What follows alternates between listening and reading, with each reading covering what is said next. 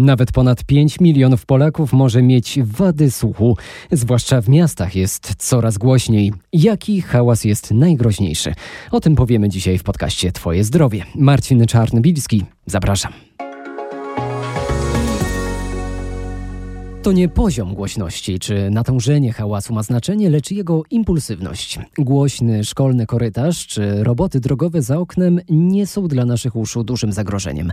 A to dlatego, że dźwięk jest powtarzalny, tłumaczy audiolog Adam Papiś. Jeżeli jesteśmy w ciągłym hałasie, jak e, ruch uliczny, jakieś wiertarki, dźwięk, który się powtarza, to nasz układ nerwowy napina strzemiączką, mięsień strzemiączkowy napina czubony bębenkowej, komórki zewnętrzne wzmacniają drgania cichych dźwięków i ewentualnie chronią nas przed dużymi natężeniami. Jeżeli hałas trwa 5-10 minut, układ nerwowy jest w stanie uruchomić wszystkie procesy obronne. Hałas w postaci strzału, wybuchu. Ta fala akustyczna dociera do komórek słuchowych, niszczy je, niszczy cały nerw słuchowy, niszczy neurony. Organizm nie jest w stanie zareagować odpowiednio szybko na tak duży, impulsywny dźwięk. Poza tym nawet jak zareaguje, to już będzie za późno, bo ten dźwięk się skończył. Może dojść do tak zwanego urazu akustycznego albo innego uszkodzenia słuchu. Jeśli szumi ci w uszach, często prosisz o powtórzenie tego, co zostało powiedziane lub nie słyszysz szeptów, wybierz się na badanie audiometryczne.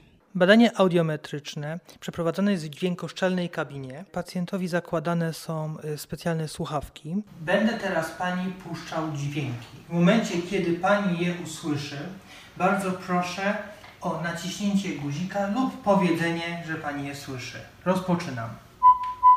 Słyszę?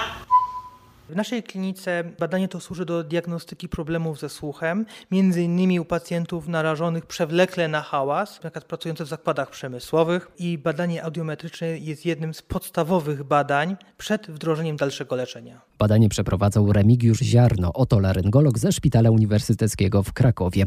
W dźwiękoszczelnej kabinie jest cicho, ale jest miejsce w Polsce, gdzie panuje cisza totalna. To tak zwana komora bezechowa w Krakowskiej Akademii Górniczo-Hutniczej. Odwiedziła ją Katarzyna Staszko. To jest miejsce, jak sama nazwa wskazuje, komora bezechowa, czyli takie pomieszczenie, w którym nie ma dźwięku odbitego, nie odbija się od ścian, czyli nie ma tak zwanego echa. Mamy tylko i wyłącznie dźwięk, który ze źródła jest nadawany, czyli w tym przypadku naszej mowy. Jak długo y, przeciętny człowiek jest w stanie wytrzymać w takiej absolutnej ciszy, zanim zacznie czuć się po prostu no niezbyt przyjemnie? Ja myślę, że to jest bardzo osobnicza cecha jednak. Mieliśmy tu różne przypadki ale zazwyczaj nie, nie zostawiamy tu ludzi dłużej niż y, na kilka minut. Po kilku minutach ten poziom percepcji słuchu się tak obniża, że zaczynamy już słyszeć swój, swój organizm. Mówił profesor Tadeusz Wszołek z Katedry Mechaniki i Wibroakustyki Krakowskiej AGH. Jak dbać o swój słuch na co dzień? Poradnik znajdziecie na portalu Twoje zdrowie rmf24.pl.